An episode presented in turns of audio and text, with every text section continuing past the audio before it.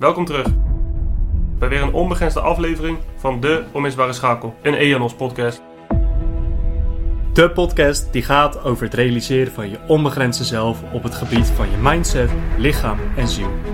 Elke aflevering duiken we dieper in hoe je je onbegrensde zelf tot ontwikkeling brengt, wat het is om een high performer te zijn, onze persoonlijke ervaringen op dit vlak en meer.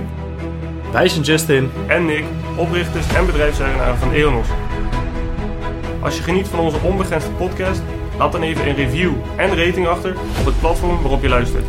Zorg er daarnaast voor dat je abonneert en ons volgt, zodat je onze toekomstige onbegrensde afleveringen niet mist. Dat gezegd hebbende, laten we geen seconde langer meer wachten. Remove all limits. Yes, welkom terug bij de Onmisbare Schakel podcast, de podcast over high performance en complete mensoptimalisatie. Vandaag eh, hebben ik en ik twee interessante gasten aan tafel, Jim en Mees. Eh, we gaan eh, hun eh, verhaal aanhoren, ja, hun reis naar high performance, zelfontwikkeling, lichamelijk, mentaal en spiritueel. Jongens, welkom. Dankjewel. Alright, dan gaan we gewoon gelijk beginnen. Gewoon de eerste vraag. Jim, voor jou. Wat was voor jou echt het absolute breekpunt waarop je dacht, hey, mijn leven moet anders? Voor de mensen die het niet weten, Jim, net als Mees, radicale transformatie. Ineens ging er een knopje om. Hij, gaat, hij gaat jullie vertellen. Ja.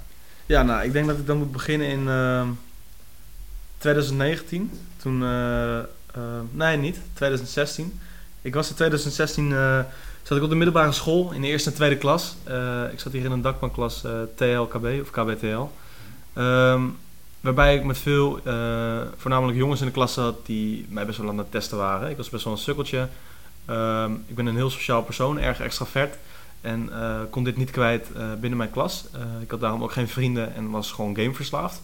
Omdat het een vluchtweg was en omdat ik wel um, extraversie daarin kwijt kon. Ehm, toen heb ik een beetje een metamorfose gehad. Ik ben dus naar de sportschool gegaan. Wat je zei, die newbie gains. Daar ja, heb ik zeker gebruik van gemaakt. En in de zomer van 2019 ehm, ja, raakte ik in een soort van bloei. Kreeg ik aandacht van dames. kreeg ik meer vrienden. Waardoor ik ook meer zelfvertrouwen kreeg. Ehm, nou, ik ben toen alleen maar lopen feesten, zuipen, eh, enzovoort, enzovoort. Van dame naar dame gegaan. En eh, het was een hartstikke mooie tijd, dat moet ik zeker zeggen. Op een gegeven moment eh, kwam ik een beetje in een vriendengroep. Ehm, of zat ik in een vriendengroep die dezelfde mentaliteit had. Het liefst zo elke, elke dag zoveel mogelijk zuipen. veel drinken, weet je. En dat soort dingetjes doen. En ik denk een jaar later ehm, veranderde dat een beetje. Ik had veel gezeik met die jongens. Ehm, komt ook door mezelf, moet ik zeggen. Eh, ik had weinig zelfreflectie, ook toen die tijd. Maar goed, daardoor eh, heb ik afstand genomen van de jongens. En ben ik dus steeds meer naar de sportschool getrokken. En werd het ook een soort van therapie voor mij. Waarin ik alles kon vergeten. En ehm, ja, toen ben ik heel erg daarin doorgegaan. En heb ik mijn hele leven daarop aangepast. Dus eigenlijk vanaf 2020 tot aan 2023 eh, is het een hele periode geweest waarin ik mijn leven echt heb aangepast op de sportschool. En daarbij is natuurlijk ook het mentale aspect en het spirituele aspect komen kijken. En ehm, ja, dat, dat heeft het een beetje veranderd, man. Dus de keuze om eh, niet meer met die mensen om te gaan. En ehm, een periode eh, alleen verder te gaan. En ja, binnen die periode hopelijk nieuwe mensen leren kennen. En dat is gelukt. Mees zit ook naast me. Dus eh, Ja, Ja, inspirerend. Ja, Mees, laten we dan ook gelijk eh, bij jou eh, dezelfde vraag. Wat was voor jou breekpunt? Want jij bent net als Jim eh, ook echt heel actief in de sportschool. Even voor het Ja. beeld, eh, voor de luisteraar. jullie, misschien niet vanzelfsprekend eh, net dat ze jullie kennen. Jim en Mees, twee eh, jonge gasten, super ehm, ja, actief in de, in de gym. Mees eh, gaat voor een competitie gym. eh, ja, hoogstwaarschijnlijk ook, denk ik. Eh, misschien ooit? Nee, dat niet? Nee. Oh, dat niet, Nee, dat nee, niet. Maar in ieder geval absurd, eh, absurd fysiek. Echt dedicated, ook eh, op Instagram actief. Aan het einde van de podcast ook even een linkje naar hun Instagram en zo. Het is altijd interessant om dit soort interessante gasten te volgen. Eh, zijn jong, zijn een stukje jonger dan, dan wij zelf. Maar goed, Mees, wat was voor jou het punt waar je dacht... Hey, ik, ga, ik ga mijn leven omgooien. Het moet, het moet anders. het eh, begon bij mij eh, eigenlijk een beetje hetzelfde als eh, bij Jim. Ja, echt gameverslaafd. Alleen maar aan het gamen. Elk weekend zuipen. Ehm, ja, gewoon eigenlijk ja, iets heel anders dan waar ik nu mee bezig ben. Ehm, en op een gegeven moment kwam corona, de coronaperiode. Ehm, En toen ging ik wel al naar de sportschool, wat later dan jij. Maar jij had me toen eigenlijk ja, een keer meegenomen naar de sportschool samen met een andere vriend. Ehm, ja, toen ben ik naar de sportschool gegaan. zie je een kleine verbetering en dan denk je gelijk van wow, dit, dit kan ook. en dan krijg je steeds meer motivatie. En toen kwam die coronaperiode, waarin eigenlijk wat minder feestjes en dat soort dingen waren. En dan ga je ook uh, nadenken van, ja, waar, waarom doe ik dat eigenlijk? Wat uh, haal ik daar mijn plezier nog uit? Um, en toen ben ik me eigenlijk gaan beseffen um, van, ja, dat, dat, daar haal ik eigenlijk helemaal geen plezier meer uit. Dat draagt niet bij aan mijn toekomst. Um, toen ben ik ook begonnen met boeken lezen. en toen ben ik eigenlijk langzaam stapje voor stapje mezelf gaan verbeteren. ja, richting een, een goede toekomst, zeg maar. En ja, mijn lifestyle gaan veranderen. Andere vrienden op gaan zoeken. Um, vrienden die ja, niet meer aansluiten bij die lifestyle. Um, wat minder gaan spreken. En ja, zo ben ik eigenlijk uh, ja, een beetje tot deze mindset uh, gekomen. Ja, interessant. En dan dus nu ook met uh, lichaam, hè, ook toewerken naar competitie dan. Ik sprak net ook voor Jim, maar dat was dus uh, nogmaals correctie. Dat is dus niet het geval, maar voor jou wel. Ja. Uh, dat is dan ook daaruit gekomen? Of was dat vanaf het begin af aan al iets waarvan je dacht, hey, dit wil ik gaan doen? Of nee, kwam, dat, kwam dat later? Ik ben eigenlijk ja, begonnen toen net voor corona met uh, sporten. Toen kwam de coronaperiode en toen werd er net uh, toevallig bij ons in de buurt een uh, calisthenics park gebouwd. dus toen heb ik calisthenics gedaan. Daarna ben ik toch weer terug gegaan naar de, de sportschool, omdat ik dat toch ja, leuker vond om te doen. en gewoon de, de progressie die je ziet aan je eigen lichaam ja, was gewoon zo'n motivatie. Um, en uiteindelijk denk je van ja, ik moet daar iets mee. Um, dus ja, vandaar dat ik uiteindelijk gekozen heb om een competitie te, te gaan doen. Kikken. Ja, ontzettend inspirerend ook. Want eigenlijk komt het ook wel een beetje terug bij ons natuurlijk. Ja. Weet je, wij zijn ook op een gegeven moment zijn ook maar gaan sporten eigenlijk en gaan zoeken naar uit daar of ja, uh, mogelijkheden om eigenlijk te veranderen. Weet je wel, vroeger wij gameden ook. Wij waren ook uh, geen perfect iemand, zou ik het zo ja, zeggen. Nog steeds niet overigens, hè? Dat is, Nog steeds niet zeker. Um, maar ja, natuurlijk, het brengt heel veel uitdagingen met zichzelf mee. Hey, je bent niet zomaar bij veranderd. Dus ja, voor jou Jim, wat, wat was eigenlijk één grote uitdaging die je over, moest overwinnen? Um, het teruggaan naar het alleen zijn. Uh, wat bedoel ik ermee? In de eerste en tweede klas, zoals ik net zei, ben ik best wel een periode alleen geweest. En had ik dus een gameverslaving. Terwijl ik best wel extra vet ben. En uh, nou ja, ik heb een uitweg gevonden. Nieuwe vrienden ontmoet, zeg maar, om het zo te zeggen. Dat was in de zomer van 2019, volop in de bloei. Um, ik zeg overigens niet dat het fout is om elke dag te zijn, dat moet ik zelf weten. Uh, het past alleen niet binnen mijn, uh, binnen mijn normen en waarden. Maar goed, toen heb ik op een gegeven moment de keuze gemaakt om afstand te nemen van deze vrienden. Uh, terwijl ik net een jaar, twee jaartjes bevriend was. En dat betekende dus dat ik weer alleen zou moeten zijn. Maar goed, ik had het ervoor over en dat heb ik ook gedaan. Maar dat was wel lastig. Omdat je niet wil, terug wil naar de situatie waar je in zat en waar je uit bent gekomen. Maar uh, soms moet je een stapje terug doen om toch weer uh, drie stappen vooruit te mogen doen. Ja, absoluut. Ja, het is uh, ook maar die coronaperiode die dwong ons ook een beetje op, meer op onszelf te zijn. Hè. Je ging thuis zitten. Ja. En heel veel mensen die werden ook geconfronteerd ja, met zichzelf. Ja, ja. en dat heeft voor sommigen heel goed uitgepakt. Dat kan ik voor jullie denk ik wel, wel zeggen. Maar voor anderen ook niet. Nee, die zijn helemaal een soort depressie afgegleden en noem maar op. En eigenlijk dat zeer wat daar misschien eh, ook nog zat, hè, vanuit een verleden wat gewoon niet heel prettig uh, was, uh, daar eigenlijk niks mee gedaan. Is dat ook iets wat, wat jij herkent, Mees? Ja, het kan eigenlijk in zo'n periode twee kanten opgaan. En dat heb ik toen ook beseft. Van ja, ik kan wel de hele dag gaan zitten gamen, in mijn bed liggen, door Instagram scrollen, filmpjes kijken. maar daar schiet ik niks mee op. Ik wil iets doen wat, wat mij verder helpt. Um, en ja, gewoon die, die gedachtegang heeft mij denk ik wel geholpen om er uiteindelijk beter uit te komen in plaats van slechter uit te komen. Ja, precies. precies.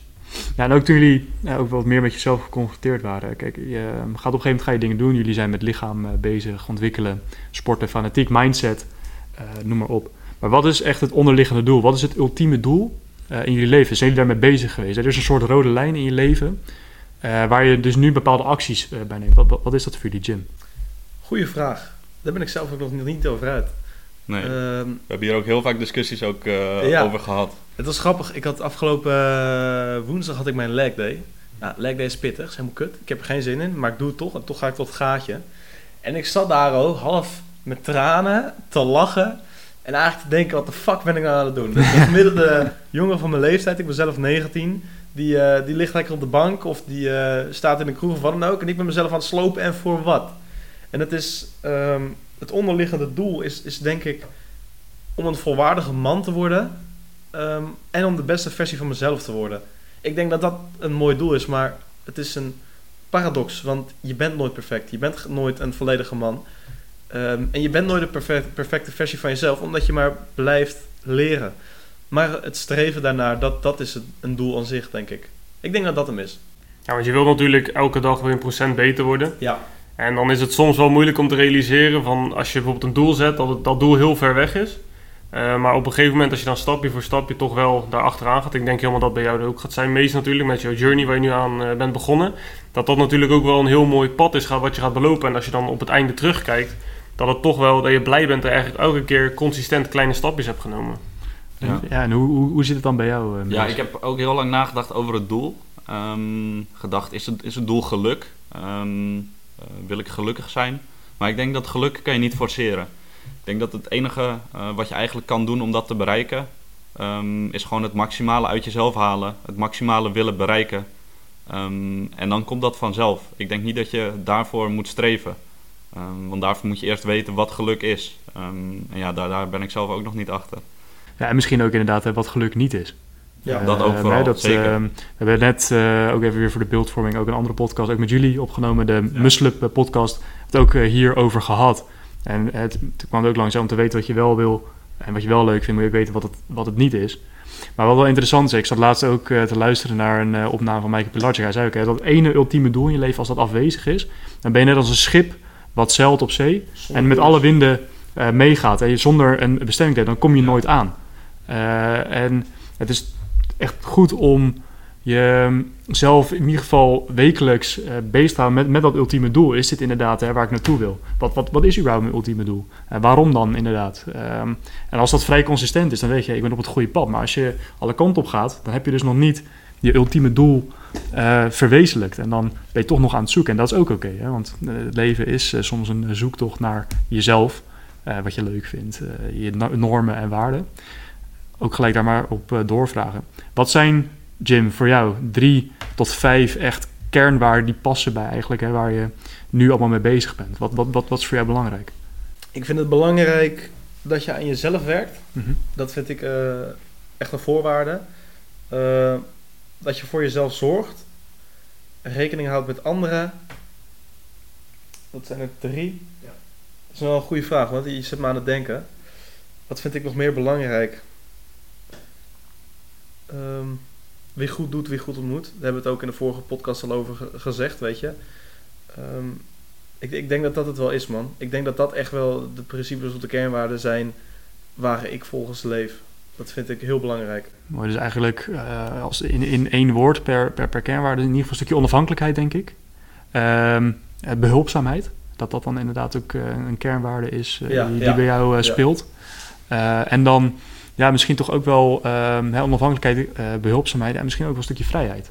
Zeker. Uh, de, doordat je inderdaad ook aan jezelf werkt, mogelijkheden voor jezelf creëert, uh, noem maar op.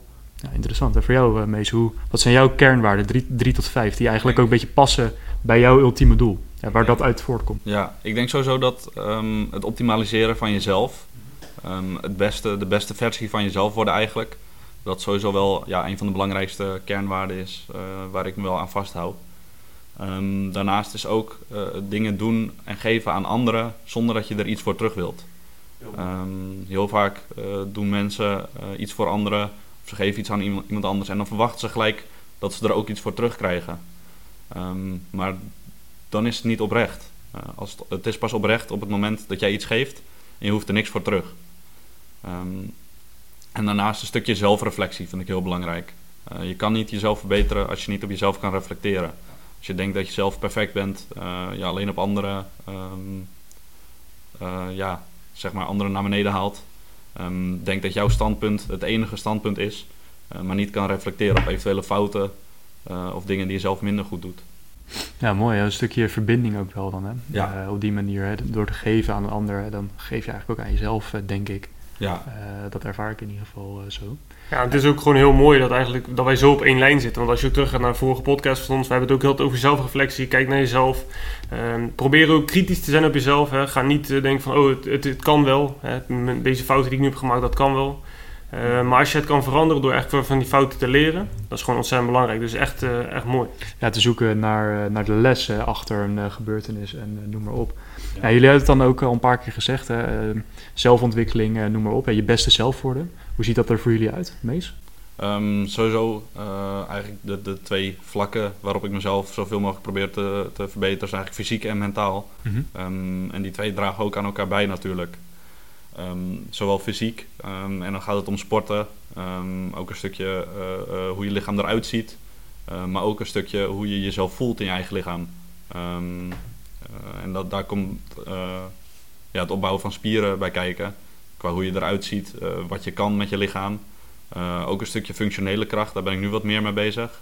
en een stukje conditie, dat heb ik heel lang niet gedaan, maar daar probeer ik nu wel echt aan, aan te werken. En op mentaal vlak ja, het, het beste uit jezelf halen. Uh, nieuwe dingen leren, op jezelf kunnen reflecteren, wat ik net ook al zei. Um, ja, en ik probeer ook heel erg ja, de balans te vinden in wat kan wel, wat kan niet. Um, en dan heb ik het over bijvoorbeeld af en toe een festival. Uh, dan denk ik soms wel van ja, waar, waarvoor doe ik het eigenlijk? En aan de andere kant vind ik het wel heel leuk. Um, dus waar, ja, waar ligt de grens? En dat probeer ik heel erg uh, uit te vinden waar, waar die balans ligt. En ja, wat wel en niet kan binnen mijn normen en waarden, binnen mijn levensstijl. Ja, interessant. Ja, want het mooie eraan is ook wel dat door die festivals te doen en door misschien wat anders te doen wat je normaal doet, kan je wel weer rust pakken. Ja. ja. ja. En Jim? Ja, ik denk dat ik bij, uh, daar ook bij aansluit. Fysiek en mentaal. Uh, vind ik zelf belangrijk en staat ook heel erg in verbinding. Mm -hmm. um, de reden waarom ik ben begonnen met sporten is omdat ik mij mentaal beter wou voelen. Dat is nog steeds echt wel mijn reden. Um, niet meer om me beter te voelen, maar om beter te worden. Um, een mindset te verbeteren en de beste versie van mezelf te worden. Sluit ook wel mooi aan op jullie, uh, op jullie merk natuurlijk, Remove All Limits. Dus uh, ja, ik denk dat dat hem wel is. Ja, echt de grenzen verleggen. Hè? Je, ja. je, jullie benoemen dan hè, allebei mindset en uh, lichaam. Nou, wij geloven hè, dat spirituele kantje. Mm -hmm. ja. Eigenlijk een soort driehoek waarbij de hoeken dan op elkaar steunen. Um, nou, bij jou, Jim, je gaf daar eigenlijk aan, je bent nog een beetje aan het zoeken. Een beetje toch die zin, dat ultieme doel, dat je toch nog niet helemaal uh, scherp hebt. Ja, klopt. ik denk dat dat ook een beetje aan die kant zit en dat dan de andere twee iets meer uh, focus uh, krijgen. Maar zou je ook niet denken dat juist echt die reis naar binnen, echt, echt dat stukje zingeving, dat dat dan misschien niet juist is, iets is waar je dan nu al in op zou moeten gaan? Of, of, of zie je dat anders? Ja, ik zie het wel anders. Want ehm, mijn mentale gesteldheid en spiritualiteit, dat, dat verbind ik een beetje elkaar. Mm -hmm. Ik zie het niet als iets aparts, want um, het stukje zingeving is voor mij ook een stukje zelfkennis. Hoe beter ik mezelf ken, um, hoe meer zingeving het voor mezelf is. Ik kan weten hoe ik op bepaalde situaties reageer. Ik weet hoe ik me daarbij voel. Um, en dat, dat geeft zin. En, en stel, ik zit ergens mee en ik heb een vraag, dan ga ik daarnaar op zoek. dus dat zijn dus die, die spirituele vragen waar we het dan over hebben gehad. Dus ja, dat staat allemaal in verbinding. Je kan het zeggen inderdaad door middel van een driehoek hoor. Maar uh, ik koppel het meer aan mijn uh, mentale gesteldheid. Ja, dus ik ben er wel mee bezig. Interessant.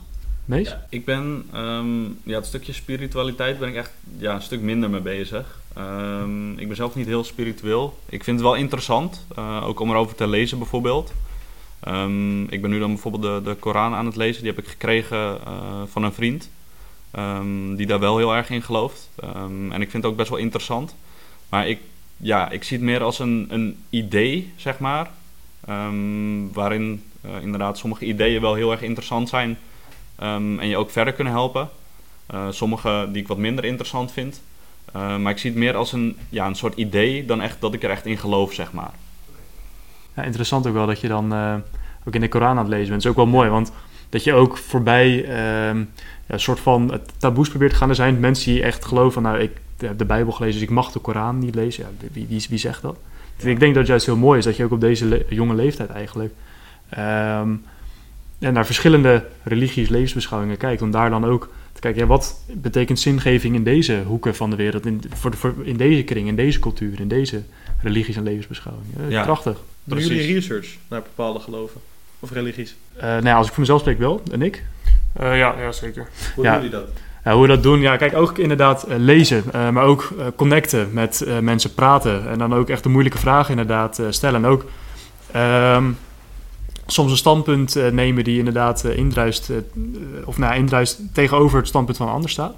en waarbij je dan ook ehm, van een ander gaat horen van ja, waarom, dat dan, waarom jouw standpunt dan zeg maar voor die persoon ja, dat niet, niet klopt. En dat is interessant. dat je ook de andere kant blijft, blijft horen. want kijk, ik heb een bepaald idee erbij. Ik probeer overal het beste vandaan te plukken. Ik schrijf het ook op. Dat is ook heel belangrijk voor mij. Wat ik interessant vind, bepaalde zinnetjes. Kijk, iedereen schrijft wel quotes op. Doe ik ook. Maar toch ook een beetje parafraseren. Je hoort een persoon iets, iets zeggen. En hoe kan ik dat voor mezelf opschrijven op een manier waarop dat logisch klinkt? Wat past bij ja, wat, hoe ik me van binnen uh, voel. Ja. en ik lees inderdaad ook boeken. Ik lees filosofie, Stoïcijns filosofie, Marcus Aurelius. veel gelezen, Seneca, Epictetus. maar inderdaad de Bijbel, de Koran, ook de werken van de Boeddha. Niet alles, dat is echt gigantisch veel. Maar wel in hoofdlijnen. Maar ook ja, een beetje die uh, New Age-achtige figuren. Ik weet niet of jullie daar een beetje bekend mee, mee zijn. Um, Eckhart Tolle, zegt die naam nee, jullie iets? De kracht van het nu? Nee. Nee? Een mooi boek ook trouwens.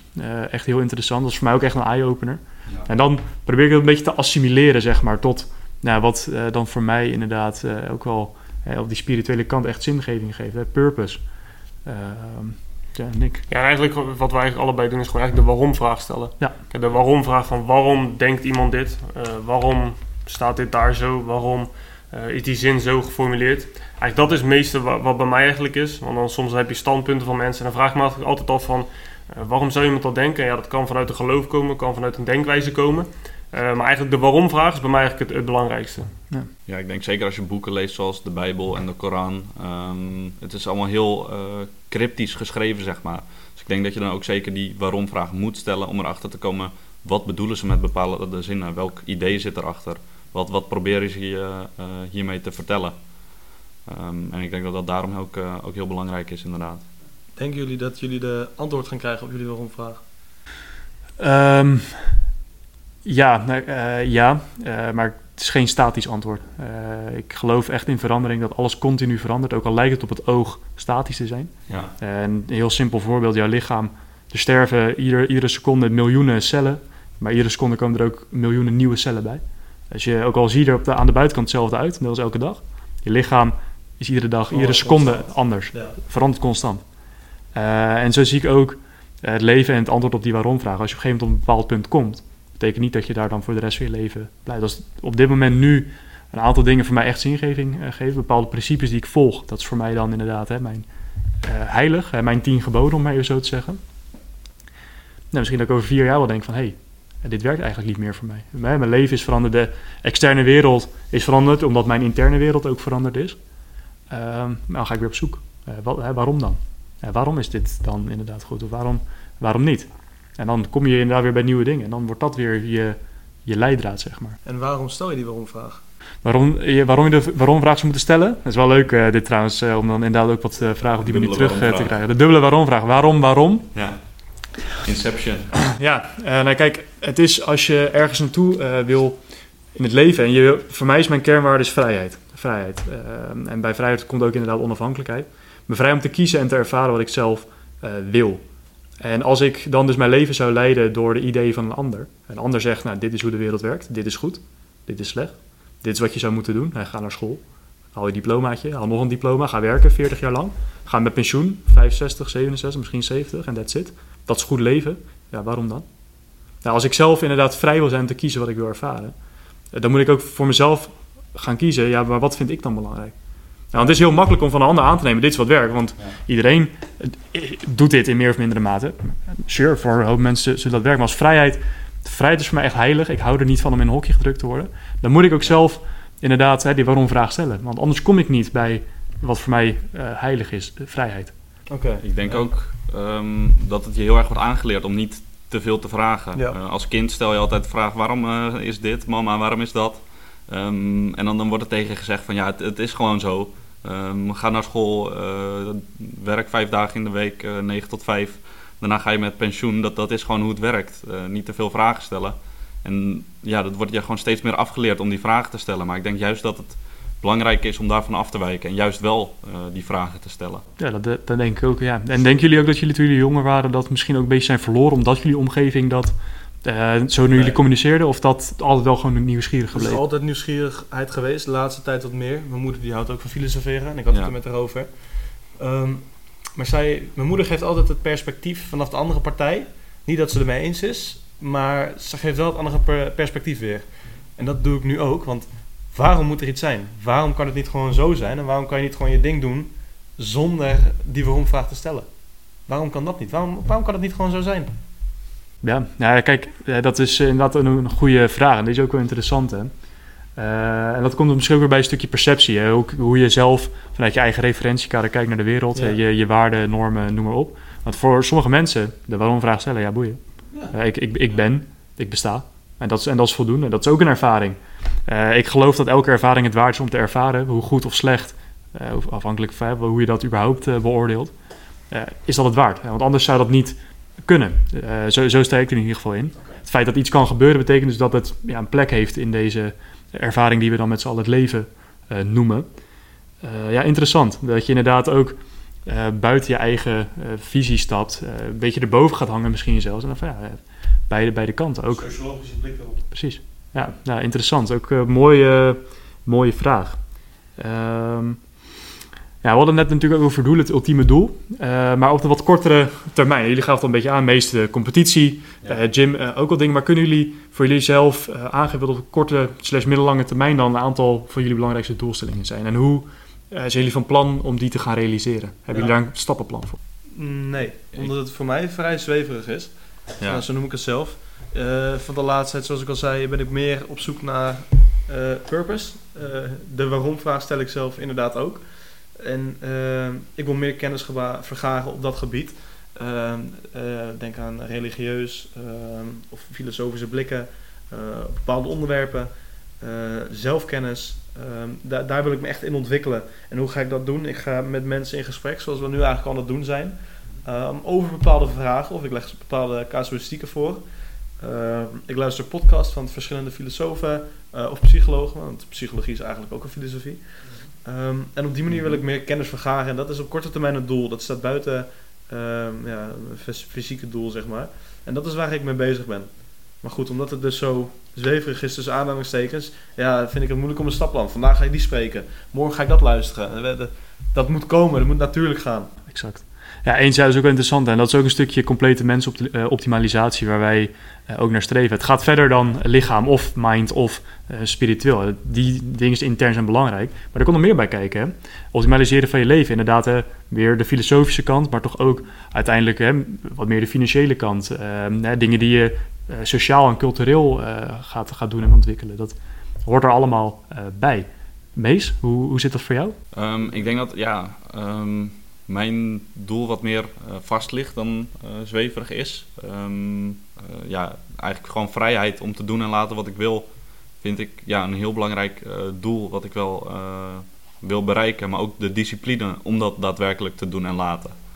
Um, en om dat echt te gaan bereiken. en niet de, de kantjes ervan af te lopen. Um, het links te laten liggen. belangrijke dingen te missen. en ik denk om daar te komen Ehm, dat ik heel erg met, met mindset uh, bezig ben uh, en moet zijn ook.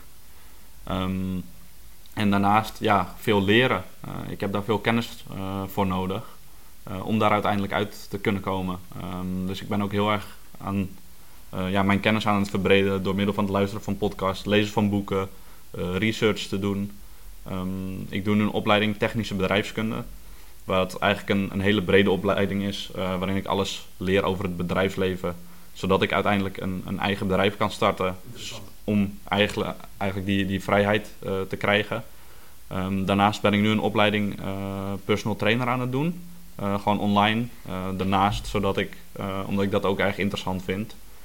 Um, en dan leer ik vanzelf wel of ik daar iets in wil gaan doen. Of misschien een bedrijf in een hele andere richting. Maar dan kan ik in ieder geval uh, weten of ik dat wel of niet wil. Interessant. Ja, het mooie is wel dat je voor al die dingen die jullie ook zeggen, gewoon echt discipline nodig hebt natuurlijk. En je moet gewoontes hebben eigenlijk. Ja. Zijn er bijvoorbeeld ook aan in de ochtend bijvoorbeeld, hebben jullie een soort ochtendroutine die, die je hebt of in de avond? Of zijn er bepaalde dingen die je elke dag echt specifiek wel doet, omdat je daar je ook gewoon goed bij voelt? Mees? Sowieso uh, een van de dingen die ik uh, nog niet zo heel lang doe, uh, dat is koud douchen. S ochtends als ik mijn bed uitkom, Ehm, ik heb niet altijd de discipline om hem meteen koud te zetten. Ehm, maar ik doe in ieder geval uh, sinds een aantal maanden echt elke ochtend uh, de douche helemaal koud zetten. Um, dat is niet alleen uh, fysiek goed voor je, voor de doorstroming van je bloed, voor je energie, dat je de dag goed begint, maar ook mentaal. Het is toch weer een, een overwinning die je hebt gehad aan het begin van je dag. een stukje discipline die je hebt overwonnen, waardoor je toch ja, ook gelijk gemotiveerd bent om de dag ook verder goed te beleven eigenlijk en alles eruit te halen. Want wat was eigenlijk de reden dat je eigenlijk begonnen bent met die koude douche? Um, ja, ik heb sowieso Wim Hof volg ik. Um, die heeft heel erg um, met zijn lichaam eigenlijk de, de fysieke voordelen van ijsbaden nemen, koud douchen, eigenlijk die cold exposure kunnen bewijzen. en ook een van de eerste mensen is hij waar, waarmee daadwerkelijk is bewezen, echt wetenschappelijk is bewezen wat voor voordelen het heeft. Um, ja, op, je, niet, op je mentale gezondheid, uh, op je fysieke gezondheid. Uh, en dat is ook echt de reden dat ik het ook ben gaan doen. Dat ik die, die voordelen heb gezien. Um, ja, en dat ik daar gewoon gebruik van wil maken. Hoe, en doe je dan ook iets aan journalen of dat, dat niet per se? Dat niet. Dat nee. niet. Nee. Nee. En waarom? Um, weet ik niet eigenlijk. Ik vind dat een hele goede vraag. ik, ik, ja, ik ben daar nog niet aan toegekomen. Misschien dat ik dat in de toekomst wel wil gaan doen.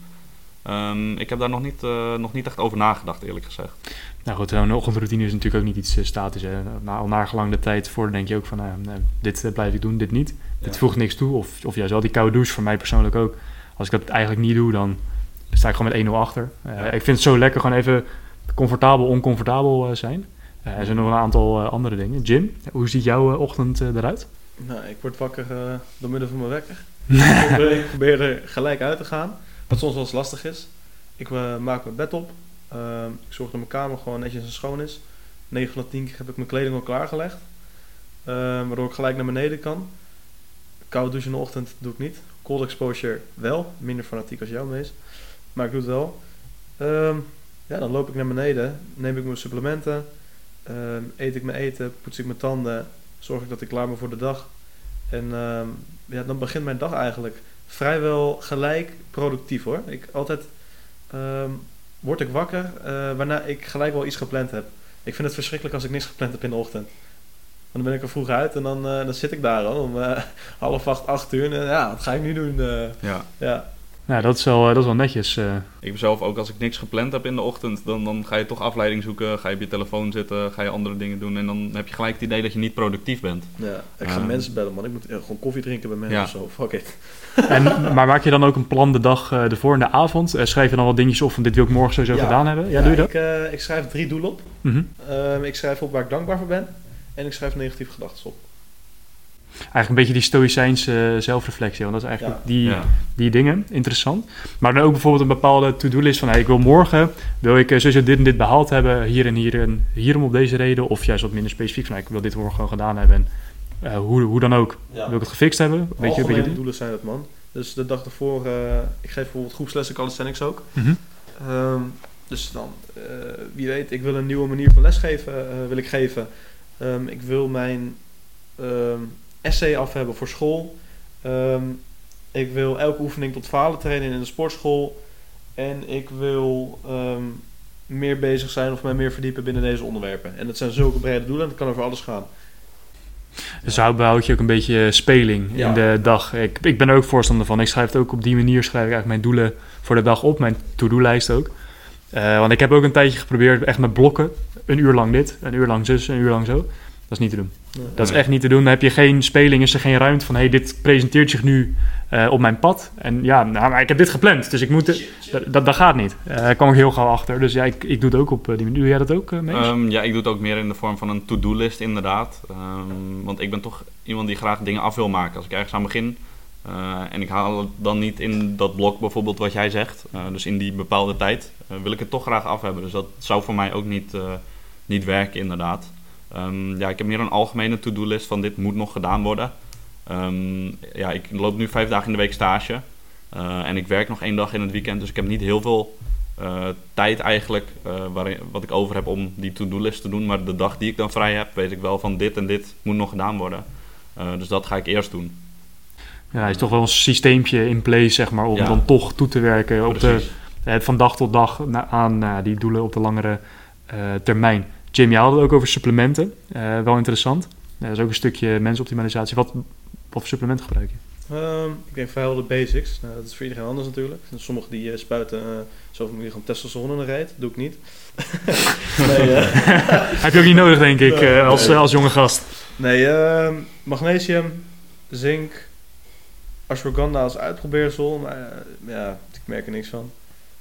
Ehm, ik heb die potjes even voor mijn hoofd hoor. Multivitamine, creatine en eh, whey protein. En eh, waarom eh, gebruik je ze dan? Heb je daar echt research naar gedaan? Of meer van, hey, dit is gewoon common advice en ik volg dit gewoon op? Eh, een beetje beide man. Een beetje Een beetje magnesium, dat is een, een basic supplement. Dat is ook als niet-sporter is dat gewoon effectief. En als, als wel sporter helemaal, ook voor je herstel. Ehm, nou, het is dan toevallig een magnesium-zinkcomplex, dus dat zit in elkaar. Dat Ja. je mooi meegenomen. Ehm, multivitamine ehm, wist ik wel. Dat was volgens mij voor het vervoer van testosteron of eiwitten. Dat het support of zo. Eh, Daar hadden we het toen over in de podcast met Paul. Goed dat terzijde en het is gewoon eh, goed voor je gezondheid, ja, weet je. ja. Ik krijg niet altijd mijn groentes binnen. Keratine, eh, eh, vochtbehoud, eh, ik verzuur minder snel en ik ben wat sterker in mijn trainingen. Proteïne voor de proteïne, ja. dat spreekt voor zich denk ik. Ja, in- inderdaad. Jij had creatine. Dat was dus een tijdje geleden. Volgens mij ook kwam er ook zo'n artikel online dat nu eindelijk bewezen dat creatine gewoon dagelijks nemen eigenlijk alleen maar goed is. Dat, Ja. dat je gek bent als je het niet eh, Ja. doet. Mhm. Dus ja, sindsdien, eh, ik deed het al, maar gewoon met confidence, 100% confidence, gewoon altijd die creatine Ja. nemen. Ja. Ja, ik zie wel dat je koud wordt man. Ja, ja shit, shit, shit. en Mees, eh, eh, heb je, gebruik jij ook supplementen, Ja, ja. eh, net als Jim? Eh, en, wat, en wat gebruik je en waarom? Eh, sowieso creatine. Eh, dat is ja, eigenlijk gewoon het meest onderzochte supplement eh, die er is. Zowel als welsporter als niet-sporter. Wat jij zegt, ehm, ben je eigenlijk gek als je het niet doet. Ehm, om jou even te citeren. Ehm, dus dat eh, gebruik ik gewoon 5 gram eh, per dag. Ehm, gewoon in poedervorm. Ehm, dan doe ik dat eh, altijd in een glas water. Ehm, en daarmee slik ik gelijk de rest van mijn supplementen weg. Dat zijn net zoals Jim een magnesium-zinkcomplex. Eh, eigenlijk magnesium voor herstel van de spieren, minder spierpijn, meer spiercontrole. En daarnaast helpt het ook met slaap. Nu heb ik een tijdje terug gelezen in een artikel dat magnesium en zink tegelijk nemen eigenlijk minder goed is. Omdat die vervoerd worden door hetzelfde systeem in je lichaam. Dus dat het beter is om bijvoorbeeld magnesium 's ochtends te nemen, zink 's avonds eh, of andersom. Eh, dus dat ga ik binnenkort eh, denk ik proberen om die los van elkaar eh, te nemen. Ehm, en daarnaast eh, multivitamine. Ehm, eigenlijk omdat ik, eh, ook al eet ik wel veel groente en fruit, ehm, door hoeveel ik sport, ehm, heb ik gewoon meer vitamines en mineralen nodig, meer eh, micro's. Ehm, en die gebruik ik door middel van eh, multivitamine. En ook is het tegenwoordig lastiger om bepaalde eh vitamine uit onze voeding te halen, omdat onze voeding zo bewerkt is. En dan heb ik het over of vitamine B12 of B6. Een van die twee bijvoorbeeld. Ik weet even niet meer uit mijn hoofd welke van de twee het is. Ehm, maar die zit tegenwoordig bijna niet meer in onze voeding. Ehm, dus dat moet je ook bijna wel uit een, een, eh, multivitamine of uit een supplement halen. Ehm, en daarnaast gebruik ik nog omega-3 eh, vetzuren. Ehm, ja, voor gewoon een betere eh, werking van je, eh, ehm, ja, je lever en je nieren. Ehm, ja, gewoon een betere werking van je organen eigenlijk. Interessant. Ja, het is wel mooi ook bij vitamine B12 bijvoorbeeld. Je hebt eh, hele goedkope varianten ook. We hebben ook hele dure varianten. Eh, wij natuurlijk bij Eonos met Brain Assist hebben wij eh, de vorm methylcobalamine gebruikt. Methylcobalamine cobalamine is een eh, natuurlijke vorm, dus die neemt je lichaam ook op. Maar je hebt ook het volgens mij. Die zit in bijna alles. Weet je wel, die zie je zelfs in augurken erbij zitten en zo. Dat, gooi- dat gooi je er allemaal in. Dan zeggen ze ja, het is vitamine B12, is allemaal goed voor je. Maar eigenlijk die sinacobalamine is eigenlijk, die neemt je lichaam niet op. Omdat die synthetisch is bijgewerkt. Ehm, kan je daar eigenlijk weer een, een te grote hoeveelheid van krijgen. En kan je daar eigenlijk weer last krijgen. Dus wel goed dat je er, eraan kijkt. Want selecteren jullie je supplementen daar ook eh, op? Echt 100%, 100% natuurlijke oorsprong? Of dan toch ook synthetisch? Gewoon, eh, dit, dit, dit ziet er goed uit en ik, eh, en ik hoop toch, toch wel wat meer research naar de, de- wat er echt in zit. Er zijn eh, ja, eigenlijk bepaalde supplementen waarin wat jij zegt het echt uitmaakt of je inderdaad eh, synthetisch of echt natuurlijke supplementen eh, eh, gebruikt. Eh, en je hebt bepaalde supplementen zoals als je bijvoorbeeld kijkt naar eh, whey of ehm, eh, creatine waar gewoon als je het gewoon in de puurste vorm hebt, dan, dan is het eigenlijk het beste. En dan maakt het niet uit of je een dure variant of een goedkope variant neemt. Ehm, als je bijvoorbeeld ook kijkt naar creatine, heb je versies met smaakjes en dat soort dingen. Ehm, dat doe ik allemaal niet, gewoon ja, de meest pure variant. Uh, whey protein heb ik dan wel met vanille smaak, omdat het anders gewoon echt niet te hachelen Nee, dat is echt niet te doen inderdaad. Dat is echt vies, man. Ik heb het wel geprobeerd zonder smaak, maar dat is echt niet, uh, niet weg te krijgen. Ja, en dan bijvoorbeeld multivitamines. Um, heb je ook, uh, als je kijkt naar bijvoorbeeld multivitamine van de kruidvat. Ja, die doseringen, er staat er soms 300 of 600 procent bij sommige vitamines. Um, dan is het wel echt heel goed om naar, naar te kijken. Um, ja, wat zijn de doseringen van de vitamines? Wat moet ik binnenkrijgen? Um, die referentieinname die erop staat, klopt ook niet altijd. Uh, dus dat is echt goed om je eigen research te doen. Um, en echt ja, een goed supplement te selecteren. Of het nou natuurlijk of eh, echt uh, synthetisch is, daar kijk ik minder naar dan echt de dosering en de, de puurste vorm, zeg maar. En wat jij het nou net had over die, die vitamines, zo diep ben ik er dan nog niet op, uh, op ingegaan, moet ik zeggen. Nou, moet natuurlijk ook wel een beetje leuk blijven. Maar zou je dan denken uh, dat het goed is als in winkels, in dat soort uh, dingen als een kruidvat en eten, als een soort uh, plakkaatje komt hangen van hey, dit zijn dingen waar je op moet letten, dit zijn referentieinnames. Denk je dat, dat, dat ze dat zouden moeten verplichten? Of denk je van nou, gewoon doe your own research? Ik denk dat sowieso, um, als je zoiets gaat verplichten, um, wie zegt dat dat de beste referentieinname is, voor elk lichaam is dat ook weer anders. Ik denk dat het beste sowieso blijft om je eigen research te doen. Jim, wat denk jij? Um, ja, ik zou het zeker uh, fijn vinden natuurlijk, maar ik denk dat dat niet haalbaar is omdat de maatschappij een beetje is gericht op het, uh, uh, op het verdienen van zoveel mogelijk geld. En het is, een, het is non-profitable, zeg maar, omdat de helft van de supplementen dan afvallen. Dus ja. ik, ik, denk niet dat het haalbaar is. En zelf ehm, rangschik ik mijn supplementen niet. Ik ben daar echt veel te laks voor, om eerlijk te zijn. Ja. Ah, eerlijk, ja. Ik tik body en fit in, ik maak hem een winkelwagentje en ik koop het. Ja, alleen omega-3 vetzuren haal ik dan niet een tablet voor, want dan is het gesteriliseerd en is het niet meer werkzaam. Uh, heb ik me laten vertellen door een uh, uh, expert. Oké, okay. dat wist ik dan maar niet. Dat wist ik ook niet, nee. Interessant. Ja, nee, dat is Ecology. Um, ik kan je er niet veel over vertellen. Ik weet dat in ieder geval nog wel van de toespraak. die jongen die dat aanbiedt, dat is dan ook een, een kennis van mij. En ik weet zeker dat hij geen poep praat, laat ik het zo zeggen. Mm -hmm. um, ja, die gaan heel erg in op die vetzuren, omega 6 en 3 en die waardes daarvan. Nou goed, leuk om misschien zelf te zoeken, maar dat is wat ik van, uh, van hem heb onthouden daarin. Dus uh, ja, dat slik ik echt van niet. Oké, okay, interessant. En dat punt over de voedingsindustrie en uh, ja, supplementindustrie uh, aan zich, zeg maar. Ehm, ja, jullie mening, je gaf het eigenlijk een klein beetje aan. Zou je daar wat meer over, je mening over willen delen? Wat vind je daarvan? Dat het op dat eigenlijk hè, in dat eten de kwaliteit uh, lager er steeds minder uit te halen is. Hè. Dat ook met het ophangen van bijvoorbeeld zo'n af, uh, advies dat eigenlijk niet gebeurt, dat het dan niet meer winstgevend Wat, wat vind je daarvan? Ja, dat, dat is vanzelfsprekend denk ik. Dat is helemaal kut. Maar mm -hmm. ja, het is toch wel waar we naartoe gaan. En daarom waardeer ik het ook meer om steeds meer naar de na natuur te gaan, zeg maar. Om dichter bij de natuur te staan. Ja. Omdat het puur is. Tot zover. Ik bedoel, dat is ook bijna niet meer hier zo in Nederland. Maar um, daar hecht ik dan mijn waarde aan, zeg maar. En uh, ja, tegenwoordig valt er nog weinig aan te doen. Ik, ik denk ik hoor. Ja, is, is, is dat niet een beetje defetistisch? Dat je eigenlijk een beetje opgeeft, dat je de strijd opgegeven hebt? Of, nee? of zie je dat anders?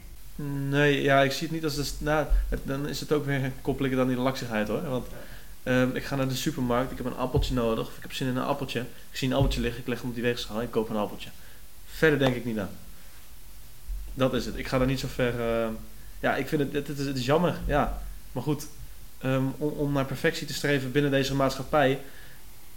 Ja, nee man, die strijd ga ik niet aan. Er is, er is wel wat uh, voor, uh, voor nodig. En nou, een individuele strijd zou het denk ik ook niet moeten zijn. Maar ik denk wel persoonlijk dat als je uh, een, ja, een, een, groep dedicated mensen hebt. Ik bedoel, de Founding Fathers van Amerika, dat was ook een, ja, dat was weliswaar een mannenclub.